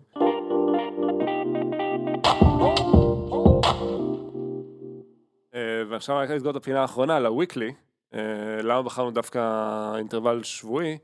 כי א', אנחנו מכירים את הלקוחות שלנו, אנחנו יודעים שלקוחות יכולים לקבל ערך מהמערכת, גם אם הם לא בהכרח נכנסים כל יום, יש הרבה מאוד שנכנסים כל יום, אבל יש הרבה תרחישים של דוגמה, אנשים עובדים עם מאנדיי בשביל אה, אה, לנהל נגיד התקנות של אה, דלתות, בסדר? או כאילו משהו שהם צריכים לעשות פעם ברמה שבועית. או אפילו יותר פשוט מזה, אם נחזור שנייה לקונטקסט של ה... שבו משתמשים בפלטפורמה, הוא קונטקסט של עבודה. כן, האנשים עבודה, בדרך כלל כן. עובדים לא חמישה, שישה ימים שבוע. בשבוע, זאת הם אומרת, לא, כן, הם לא עובדים בסופי שבוע, יכול להיות שמישהו נכנס פעמיים בשבוע למערכת ומקבל אינסוף value.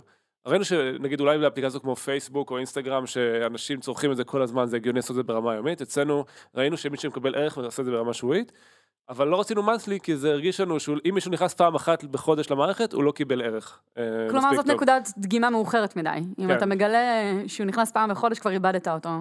כן. בפוטנציאל.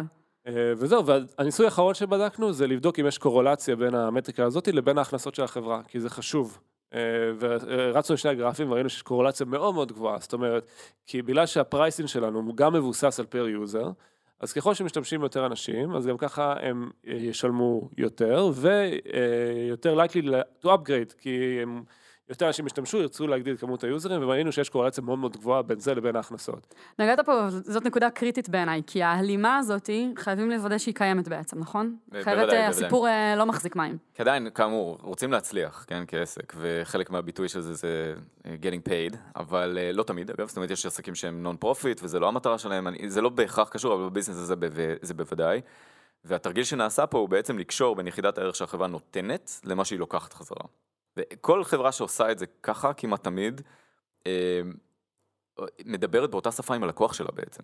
וזה כבר חוזר לעמוד pricing ולתקשורת שלנו מול לגמרי. הלקוח. בעצם היום ערן יכול לקחת את, אה, את ה decks שהוא מראה ל, ל, ל, כשהוא מגייס כסף, להראות ללקוחות שלו, ולהראות אפילו את ה decks של איך הם מודדים הצלחה בתוך החברה, ללקוחות, והלקוחות יבואו ויגידו, "Hmm, הגיוני. זאת אומרת, אנחנו, we, we see eye to eye. כן. שזה חוזר פה. למילה שקיפות, כן. כן? אה, אנחנו אומרים הרבה פה. פעמים שקיפות, ואנשים מנסים להבין מה זה אומר, אם זה, אתה יודע, חדרי הישיבות שלנו שאין להם קירות, כן. אה, אבל אבל זה באמת, זאת הרמה. אבל אני חושב שברמה עוד יותר אה, אבסטרקטית, וזה דווקא לקחתי ממשהו שגיל פעם אמר לי. הנה, נהיית גם פילוסוף, איזה כיף. אבל הנה, אני מצטט את גיל, אז יש סיבה. שעה בחדר והוא נהיה לנו פילוסוף. צבא של פילוסופים, כן. אה, אני חושב שיש לזה גם המון משמעות אה, סמנטית למטריקה הזאת. כי אני חושב שחברות ששמות אה, אתה מדבר ARR, על וואפ שוב. על, על מטריקות בכלל, אוקיי. אבל כשאתה שם אה, ARR כמטריקה, מעבר לזה שאפשר להתווכח אם זה משדר ערך או לא, מה, זה, מה המטר שאתה משדר לחברה? אתה אומר לחבר'ה, תמצצו יותר כסף מהלקוחות, תעלו את ה-ARR. איזה, איזה אינספיריישן אתה מייצר להם? אתה כאילו אומר להם, המוח שלהם, למרות שאתה לא אומר להם את זה ישירות, הולך לבוא נעשה קופונים, בוא נעשה הנחות, בוא נעשה מבצעים, בוא נעשה כאילו אלף ואחד דברים שלא משדרים ערך. כשאנחנו אומרים לחברה, זה המטריקה שלנו וואפ, לאן זה לוקח אותנו? למקומות של בוא נחזיר אותם יותר למערכת, בוא נגרום להם יותר מרוצים כי הם יחזרו, בוא נגרום להם יותר להשתמש, אוקיי? אני חושב שזה מייצר alignment בין... ה- כן. ואז אתה ב integrity, כי כשעובד חדש נכנס לחברה ואתה מספר לו שה-DNA של החברה זה ה product וה customer, ו customer comes first והערך ללקוח, אבל אז מודדים רק ARR, יש פה באמת איזשהו... דיסוננס, כן. לא רק זה, זה גם אה, תשתית, אה, אה, כמו חוזה בתוך החברה של, של איך מייצרים incentives. בסוף, אנשים מקבלים החלטות לפי, בתוך הארגון, לפי איך שהארגון החליט למדוד את ההצלחה שלו, בין אם נרצה או לא נרצה, וברגע שיש ארגונים, ויש כאלה לא מעט, ששמים רק דגש על כסף, זה יכול מאוד מהר להוביל ל-short term thinking, שמקריב את העתיד של החברה ל-short term, אני לא מדבר רק על אנשי מכירות, זה יכול להיות גם הישגים אה, בתחום product. והאמירה הזאת של לשים את הערך על ערך אמיתי ללקוח, במקרה הזה כמות האנשים שמשתמשים בנו, אני חושב שזה זה, זה מייצר alignment, integrity כמו שאמרת, ו, אמ, ואינטרסים אה, טבעיים כאלה שכל אחד יכול לנווט אותם לעצמו בלי להרגיש רע עם עצמו גם. אגב, אה, אני לא יודע אם אנחנו רוצים להיכנס לזה, אבל יש גם למטריקה הזאת חסרונות. אה, דברים. שלא עובדים לנו. אה, אז, אז חיסרון אחד אנחנו לדוגמה, אוהבים חסרונות, כן, ערן. אז כאילו, רק צריך להגיד, אין מטריקה מושלמת, זה גם סבבה לבחור מטריקה ולעשות לזה אבולוציה. כן. אה, אבל אחד הדברים נגיד שאנחנו debating זה מה זה active, זאת אומרת, האם מישהו שנכנס פעם אחת בשבוע, פעמיים בשבוע, האם הוא צריך להיכנס פעם בשבוע ולעשות איזה משהו? האם עצם זה שהוא עשה login לפלטפורמה זה נחשב כן, אז זה- אז ל active? זה נגיד, זה בחרנו שלא, זאת אומרת, הוא צריך לעשות משהו כן משמעותי, אבל פעם אחת זה מספיק, אולי פעמיים, אולי הוא צריך לשהות זמן מסוים בשביל להיחשב איך אתה מגדיר. משמעותי? כן. מה שמשמעותי לא- לך אז- לא אז- משמעותי לי? אז חסר לנו עוד רזולוציה בתוך הדבר הזה. עוד חיסרון שיש לנו, שזה מטריקה שטיפה יותר קשה להזיז, כי לשנות pattern של אנשים לחזור ברמה שבועית, זה לא שאני עכשיו מעלה משהו וטאק, הנה אומר יאללה אני עכשיו כל יום יחזור. בסדר, זה לוקח זמן, כאילו לשנות התנהגות של אנשים, לתת להם pattern אחר. אז יש טסטים שרואים מאוד מהר, ויש טסטים שלוקח יותר זמן בשביל לראות אימפקט. אנחנו... אני חושב שזה בדיוק אבולוציה טבעית כזאת, שעם הזמן, אחרי שאתה חי עם מטריקה מספיק זמן, אתה יכול לצלול עוד איזושהי רמה של דיטיילס, כאילו, ש... שמייצרת אותה, ואני חושב שעם הזמן בחברה אנחנו נגיע למקומות האלה. ואני חושבת שעוד דבר שתומך בזה, זה, אני מנחשת, תכף תגידו לי אם זה נכון, אבל שלכן יש לנו עוד מטריקות. זאת אומרת, זאת הסיבה כן. שאנחנו לא מודדים רק דבר אחד, יש מטריקות שתומכות בסיפור הזה, כדי שהן ייתנו לנו פידבק עוד יותר מיידי אפילו. לגמרי, יש, יש, בעצם זה אחריות, אה, לה- להמשיך ולרשום את כל הדברים האלה שעוזרים לך, גם לזוז יותר מהר, אה, דברים שהם יותר מדויקים בעבודה המאוד ספציפית שאתה עושה כרגע, כדי להגיע ל WAP יותר גבוה. אה, למשל, אם אני אעבוד על mobile application היום, ואני חושב שזה גם יתרום לי ל acquisition וגם יתרום לי ל retention, שזה שתי תזות מאוד שונות אגב, כי ב retention אני כנראה אלך יותר לכיוון של איך אני משלים את המוצר, וב acquisition זה ממש יהיה, אני, אני אבדוק את ה funnel כולו, אה, ולבדוק לבדוק האם יש לי mobile only solution אפילו, אה, או לפחות mobile only onboarding. ואני אבחר לעצמי תת מטריקה של אה, WAP, מכל ה WAP אני אבחר mobile WAP, M-WAP נניח, ואז מתחת לדבר הזה אני אפילו אבוא ואני אגיד M-WAP על אנדרואיד, כי רק שם אני הולך ואני עושה את זה, ואני אגדיר את כל ההצלחה כשוק, כפונקציה של שוק האנדרואיד כולה. אה, וגם זה יזוז לי לאט מדי, כי זה עדיין weekly, אז אני אגיד, אוקיי, כמה, לא יודע, אה, אנשים סיימו היום את תהליך הרישום. זאת אומרת, יכול להיות שאני אסתכל על תהליך sign ups, daily sign ups, עושים את זה כל הזמן. זאת אומרת, אה, כל task force בוחר איזה שיטת מטריקה בשביל... אבל... ההיררכיה היא ברורה, כן, כן, זהו. צריך להיות רצף לוגי ללמה הדבר הזה הוא הגיוני, וגם אה, עדות בשטח, זאת אומרת צריך להסתכל על הדאטה, ולראות שהדאטה אכן, אה, אה, זאת אומרת ה-correlation הפך להיות causation. זאת אומרת ש-AB טסטים אכן מראים ש, שבאמת כשמשהו עובד טוב, רואים את ה-causality, אה, וגם כשהוא לא עובד טוב. אה, ו, ושתיים, שזה, אה, שאין מטריקה יותר טובה כדי לעשות את זה. לפעמים מסתכלים על עשר מטריקות בהתחלה, ומחפשים את זאת שפשוט מרגישים איתה הכי נוח. אה, התהליך הזה הוא תהליך חד פעמי? תראי, ברמת החברה, אני לא ממליץ לשנות את זה יותר מפעם בשנה. בסדר, כמובן, אם יש טעויות אז משנים, אבל, אה, אבל כדי לשדר יציבות ובהירות אסטרטגית, אז, אז משחק אחד שאפשר לעשות כל הזמן זה מה זה ההגדרה של active, אפשר לעשות אפילו אה, פעם ברבעון לשדרג את ה... את ה ניואנס הזה, את כן. הניואנס הזה, אבל כאמור, אני, אני ממליץ למצוא דברים שלא צר, שההרגשה היא שלא צריך לשנות. כמובן שכשיש שינויים אסטרטגיים בחברה, יש אה, תובנה לגבי השוק, אתה פתאום רוצה להיכנס ל enterprise, לא יודע מה, ואתה רוצה גם לתת theme השנה. בסדר? השנה אני רוצה theme מסוים, אז זה אומר שאני אעשה highlight לתת מטריקה דווקא, ואני אגיד, זה יותר חשוב. לא, WAP, סבבה, יש לנו יעד סתם לכל ניתן WAP. דוגמה, יש לנו עכשיו את בן, שהוא אחד ה product managers שלנו, שהוא עובד על, אה, אה, יותר על ה big account, זאת אומרת חשבונות יותר גדולים של אלף איש ומעלה, ויש לו מטריקה שנקראת big account WAP, B-WAP, והוא מודד אותה, וזה החבר'ה, שם, החבר'ה שם בצוות כאילו מודדים אותה, ויש להם אה, מטריקות שהם מודדים, ויש את ה mobile WAP, וכאילו, שוב, יש נגזרות של הדבר הזה, וכל אחד עושה את ההתאמות לדבר הזה, מתוך זה שזה נגזרת שמובילה את החברה למקום יותר טוב ככולה. ושהנגזרת היא כלי עבודה שמאפשר להם לזוז ביום-יום. ו... כן, גם. ובדרך כלל בתהליכי רודמפ של, אה, שהם שנתיים, אה, ולפעמים כשדברים ממש לא טובים קורים, או, דוב, או דברים מאוד טובים קורים, ויש הרגשה שהמטריקה לא מייצגת אותם, זאת אומרת שמשהו מאוד טוב קרה ופתאום, ואני לא רואה את זה, אני לא רואה ביטוי לטוב או לרע אה, מול מה שאני רואה בשוק. אני, אה, אני- זה, זה נקודות שעוצרים רגע וחושבים, ולפחות פעם בשנה צריך לעצור ולחשוב, האם עדיין- מודדים את השוק אה, אני בצורה יכול לתת. דוגמה ממש אה, מעכשיו. אה, הוצאנו פיצ'ר חדש שנקרא Free Users. זאת אומרת, רצינו לגרום לחשבון, לך בתור user להזמין אנשים שאתה לא משלם עליהם, לדוגמה את ההנהלה, אתה לא תשלם עליהם והם הם לא יוכלו לשנות ערכים ב-Monday, אלא רק לצרוך את התוכן. מתוך ראייה שזה יגרום לאנשים, אולי אנחנו נאבד כמה לקוחות משלמים שהזמינו אותם בשביל לצרוך את המידע, אבל אנחנו נרוויח מזה שיזמינו הרבה יותר אנשים בתוך החברה, הרבה יותר אנשים ייחשפו לזה וכולי, ופתאום זה עורר פה שאלה בחברה של, רגע, אבל עכשיו, למדוד את זה בוואפ או לא למדוד את זה בוואפ? הם לא משלמים, מצד שני, הם מקבלים ערך מתוך הדבר הזה. ומצד שלישי, או, או אולי מה שהכי חשוב פה, שזה מדד שחשוב לנו לקבל עליו פידבק. נכון. חשוב אז- לנו אז- לדעת אז- עד כמה הם נכנסים מהאנשים האלה. זה פיצ'ר מאוד חדש ועדיין מספרים לא גדולים, אבל אני לגמרי רואה סיטואציה שאנחנו עוד שנה, אה, טפו טפו טפו, אני לא אדפוק על השולחן כי ליאור לא מרשה לי, אבל שזה יהיה מאוד מוצלח, שיהיה לנו מאות אלפי אנשים אה, שבעצם הם free users, ואז פתאום אנחנו נשב בחדר ונגיד, רגע, לא רואים את זה ב WAP, בוא נחשוב מחדש איך אנחנו לוקחים את הדבר המדהים הזה שקרה, ומחברים אותו ומחברים לתמונה אותו הגדולה. לחברה. דוגמה מצוינת. מצוינת, אני אתן לכם עוד דוגמה, אה, של, של אה, גם אה, תהליך כזה של top line וגם איך, אה, איך חושבים עליו. אה, אני co-founder, אה, בחברה- יש לנו day jobs גם מעבר לעבודת ייעוץ האלה על product, ושלי, אה, או אחת המרכזיות שבהם זה, אה, זה אני co-founder בחברה שנקראת Stream Elements, זו חברה שנותנת אה, את כל סט הפקת המשדר והמוניטיזציה של משדרים של חבר'ה שעולים לטוויץ', מי שמכיר, והיום גם יוטיוב לייב, ובעתיד גם שאר הפלטפורמות. מתוך הערך הזה של החברה, אני רק רוצה לתת לכם תחושה על כמה זה היה מסובך למצוא מטריקה בחברה הזאת. כי החברה היא לא טוויץ', אנחנו לא טוויץ', אנחנו רוכבים מעל הפלטפורמה, בעצם נותנים את השירותים שלנו מעל הפלטפורמה. לכאורה, אני לא יכול להשתמש באותן מטריקות שטוויץ' תבדוק, וטוויץ' תלך על משהו שהוא אה, מודק, אה, כמו עסק, כל עסק מדיה, היא תבדוק אה, את אה, מספר הדייליז שלה, אה, שבאים לצפות, אה, ואו את מספר הדקות שנצרכות, וזה יהיה מרכז הפוקוס שלה. זה גם המקום שבו אנחנו כחברה אסטרטגית נכנסים, כי האופורטוניטי מבחינתנו זה של הסטרימרים, ה-content creators, אף אחד לא נמצא בפינה שלהם בעצם. הפלטפורמה אכפת, בגלל ה top line אפילו, שימו לב, זה, זה מתחיל ממש שם, בגלל שה top line של החברה הולך להיות המשתמשים שלה, זאת אומרת היוזרים, הוויורים, היא אה, תגיד לעצמה, קודם כל, איך אה, מעלים את, ה, את, ה, אה, את, ה, את ההשתתפות שלהם, את הצריכת אה, תוכן שלהם, ולא אכפת להם לשחק עם ה-content creators לכאן או לשם.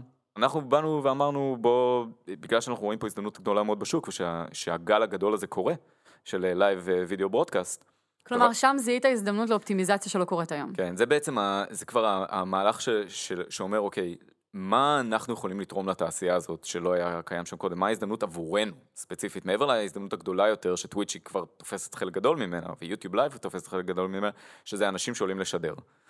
ואז אנחנו מביעים את זה במספרים, זאת אומרת, כשאני מסתכל על השוק הזה, זה, אה, אחד- שני הביטויים הכי טובים שאני מכיר, זה שזמן השידור הממוצע הוא אה, חמש וחצי שעות ביום, בסדר? וזה בדרך כלל שישה מתוך שבעה ימים בשבוע, צריך לעלות כדי להצליח בתחום.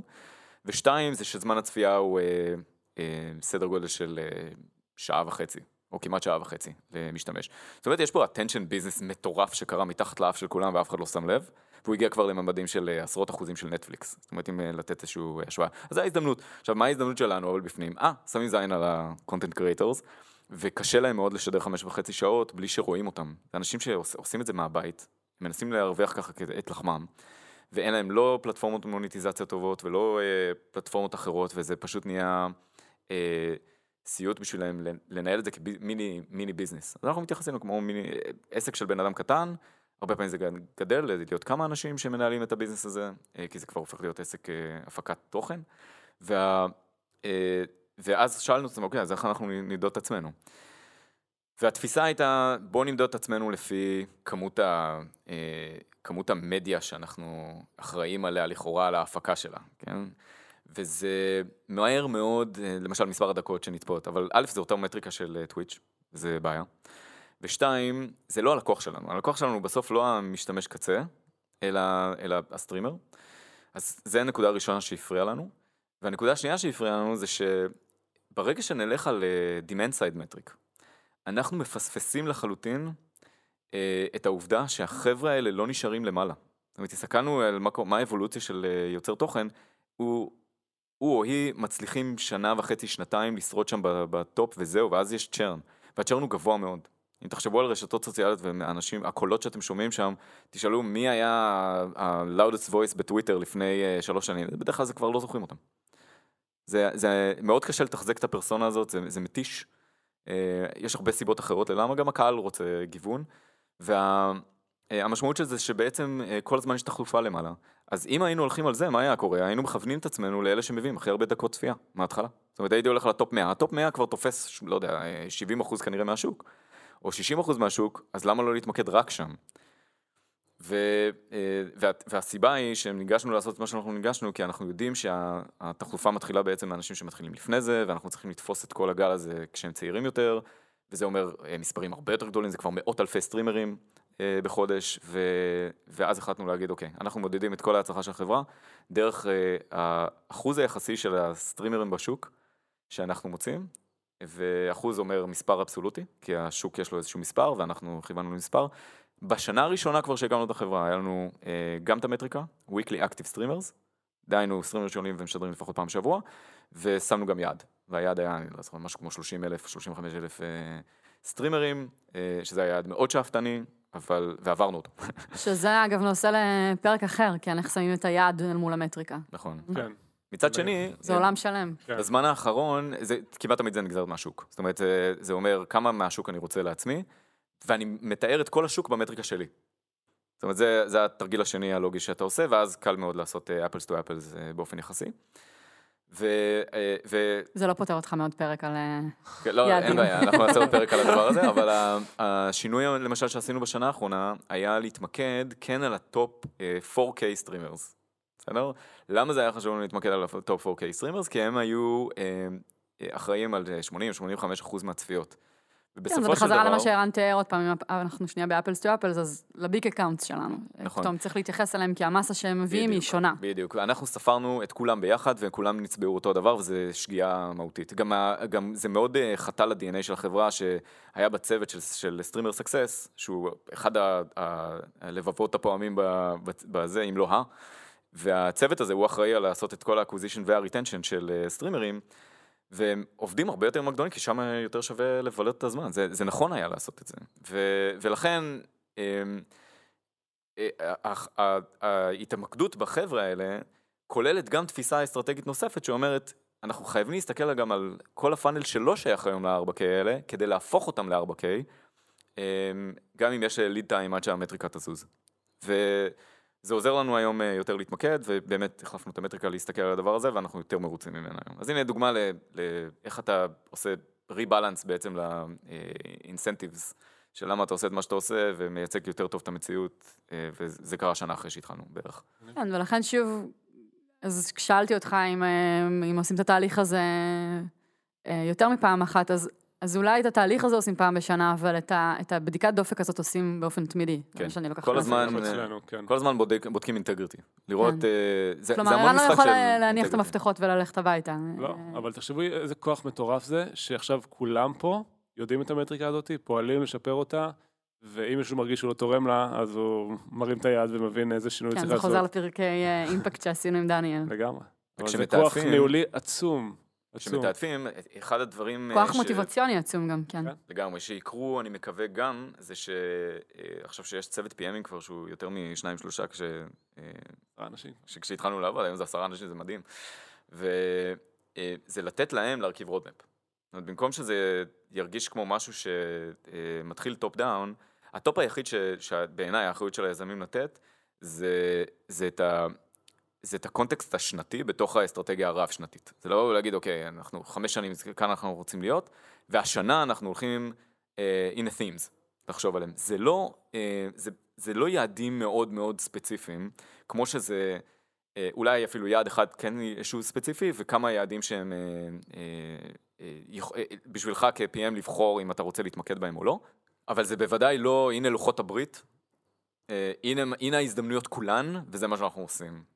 ו, ובאמת בתהליך האחרון שהחבר'ה עשו פה לקראת 2019, ה-PMים היו שותפים מלאים בתהליך הזה, והם אלה שהביאו הם- לשולחן. הם עשו את זה.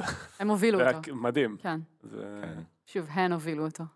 אה, אבל האמת. שעוד דבר אחד ש- ש- שעולה עכשיו ממשהו שציינת, ערן, זה שבאמת, בזכות זה שיש לנו שיטה פתאום, ויש לנו מטריקות, ויש לנו KPIs, ואנחנו מבינים איך אנחנו חושבים על הדבר הזה, הצלחנו לגדול מש, משני, משתי נש, נשות product לצוות של עשרה, שזה משהו שהיינו תקועים עליו תקופה מאוד ארוכה, נכון? תקשיבי, מה- שקרה עכשיו בחברה זה שיש לנו כרגע במקביל, נח- היום, עשרה task force ים שרצים על עשרה דברים משוגעים. אז עצם העובדה שה- שעשרה אנשים עכשיו יכולים להיות ב task force ים ולהוביל את, ה, את הדברים האלה ביום יום בלי, ומהר גם, וזו הנקודה, execution סופר מהיר, בלי שהם צריכים לקבל אישור מאף אחד, והם יודעים שהם מצליחים או לא מצליחים בתוך עצמם, היא תודות לתהליך הזה. אז אנחנו יכולים לדבר עוד הרבה על אה, תהליכים ועל, זאת אומרת, אנחנו באמת נוגעים, זאת אומרת, המטרה היא לא מתוך KPI להגיע לכלל הדברים שצריך לעשות, אבל זה, זה אחד הכלים שהוא הכי משמעותיים שאני מכיר. מאוד מעודד אה, חברות סטארט-אפ שמקשיבות, אני מקווה, ל- להתחיל עם התרגיל הזה מיד אה, בהתחלה. כל מה שדיברנו עליו ותיארנו כאן הוא, הוא רלוונטי גם ל- ליזמים שממש יצאו לדרך עכשיו, שעוד לא גייסו כסף, שעוד אין להם מוצר. כן, אז א' סטרים אלמנטס כדוגמה, היא הייתה חברה שמהיום הראשון שהתחלנו לעבוד ברצינות, אה, לפחות על מוצר, אה, אה, התחלנו לחשוב בצורה הזאת. ואני ממליץ מאוד לכל יזם שחושב על רעיון, להתחיל כבר לחשוב על איך הוא רוצה, או היא רוצה לכמת את ההצלחה.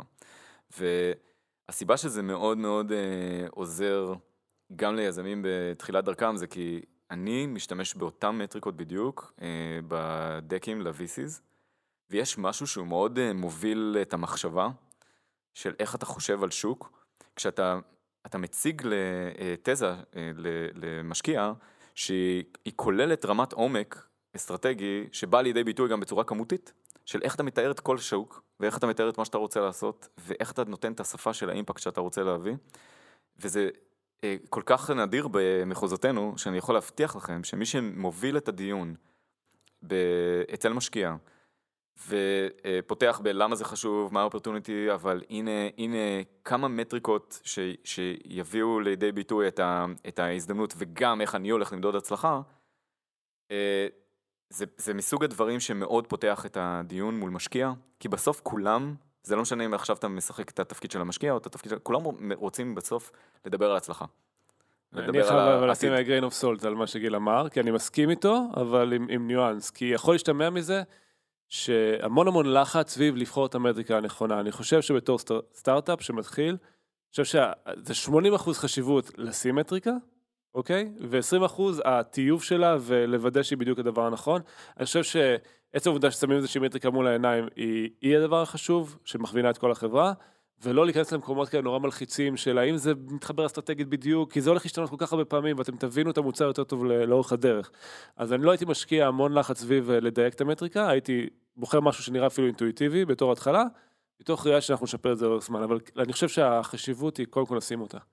אה, כן, אבל אני חושבת שאני, אז אני אוסיף אה, סייג על מה שאתה אומר, ה reasoning, לא, זה לא חוזר אליו, אלא משהו אחר. הריזונינג הוא קריטי, כאילו אם אין את כל נכון. הלמה מאחורי המטריקה הזאת, וזה משהו שחסר היום הרבה פעמים, כי, כבר אני כן רואה אה, צוותים בתחילת הדרך שבאים, יזמים שבאים ואומרים, הנה מטריקה, הבעיה שם היא שהם העתיקו אותה מאיפשהו, הם קראו באיזשהו בלוג נחמד, ואם לא מבינים מבפנים איך זה באמת קשור, ולא יודעים לנמק את זה מהמקום הזה, וחלילה התשובה היא, אה, עכשיו אני צריך להמציא סיפור, כי בעצם בפועל לקחתי את המטריקה הזאת מהבלוג של אנדריסן, זאת, זה יוצר כבר בעיה אחרת, מסכים, ולכן, כן.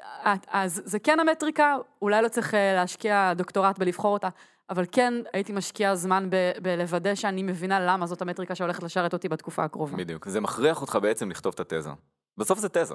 אתה, יש לך- חזרנו לפילוסופיה, ערן, לא יש תצטרך לברוח יש לך מזה. תזה על אני השוק. שהתזה היא, אה, היא תזה מדעית נקרא לה, כן? או, או פסודו מדעית, וה- והיא אומרת הנה ההזדמנות, הנה למה אני חושב שאני יכול להזיז את המחט, וככה אני הולך למדוד הצלחה. וה, וכל structure, זה, זה structure בעצם שמאפשר לך הרבה מאוד גמישות באיך אתה מנסח את זה. זה לא the problem, the emo, the zb, the emo, שזה באמת להעתיק טמפלטים אה, מאחרים. הטמפלטים האלה הם לא, לא יותר מאשר צ'קליסט, אני חושב שמה שחשוב זה לשמור על הרעיון של למה ההזדמנות הזאת היא כל כך אה, גדולה? למה אני חושב שאני יכול להזיז שם דבר אחד? ו- ואיך אני הולך למדוד את ההצלחה? ברגע שאתה שם את הדברים האלה על השולחן, אה, זה עושה משהו לכל הדיון. כל הדיון הופך להיות אה, עם, עם כוונה בפנים, עם, אה, יש המון אינטנשיונליטי, אני לא יודע אם יש מילה כזאת בדיוק בעברית, אבל... אה, התכוונות. התכוונות, כן, התכוונות. רואים את ההשתדלות אה, להגיע ל, ל, למקום מאוד אה, מוגדר של הצלחה, וזה מאוד, אה, זה גם מייצר דיון הרבה יותר טוב, וגם אני אומר לכם שבתחרות שיש בארץ, לפחות על כסף, ואת אה, ליאור ראית אה, הרבה יותר אה, יזמים ממני, אני, אה, אני, אני פשוט רואה את זה כל הזמן. מי שמגיע עם כזאת תזה, בדרך כלל יש לו פור על האחרים. וכשמי שרוצה לנסות לגייס בארצות הברית, שלא ינסה בכלל לגייס בלי שהוא מביא את הדברים האלה, כי בארצות הברית הם כבר כולם עושים את זה, וזה second nature בשבילם. זה, זה לא עניין, כאילו, כאילו לא צריך ללמד אותם את זה. תראה, גיל כבר נתן לנו את הטיפים לסיום בלי ששאלנו. זינמן, אה, מילות סיום משלך? אמ, כן, אני חושב שזה בסדר שחברות לא נולדו ככה, וזה בסדר לעשות שינוי. אנחנו עשינו שינוי לאורך הדרך. לנו מאוד עזר, אה, ושוב, כל אחד שיקח את זה איך שהוא רוצה, אה, דווקא לא להתחיל מלמעלה למטה. זאת אומרת, להתחיל מהאמת היה לנו קשה, להתחיל מלמטה. זאת אומרת, אני הייתי ממליץ להתחיל עם איזשהו צוות, להתחיל להתרגל לעבוד עם KPIs במקום עם משימות, ואחרי שאנחנו מייצרים איזשהו קצב שם וזה עובד, להרחיב את זה לעוד צוותים, ואחר כך למנות את המטריקה הגדולה של החברה. זה פשוט, אני חושב שאם מתחילים מלמעלה למטה וכזה נורא פלאף, קשה להתח... קל מאוד אה, לדבר הזה להיפרם. להתמסס, כן. אז אני מאוד מאמין לבנות את זה from the ground up, ואצלנו זה עבד מאוד מאוד טוב, והיום כל החברה מדברת את זה. אה, זה פשוט, אה, יש לזה אחיזה במציאות הרבה יותר חזקה. וואו, גיל, תודה שאירחתם אותי. עשינו את זה. תודה, ערן. תודה ליאור. תודה שהאזנתם. startup for startup for startup. Oh, oh.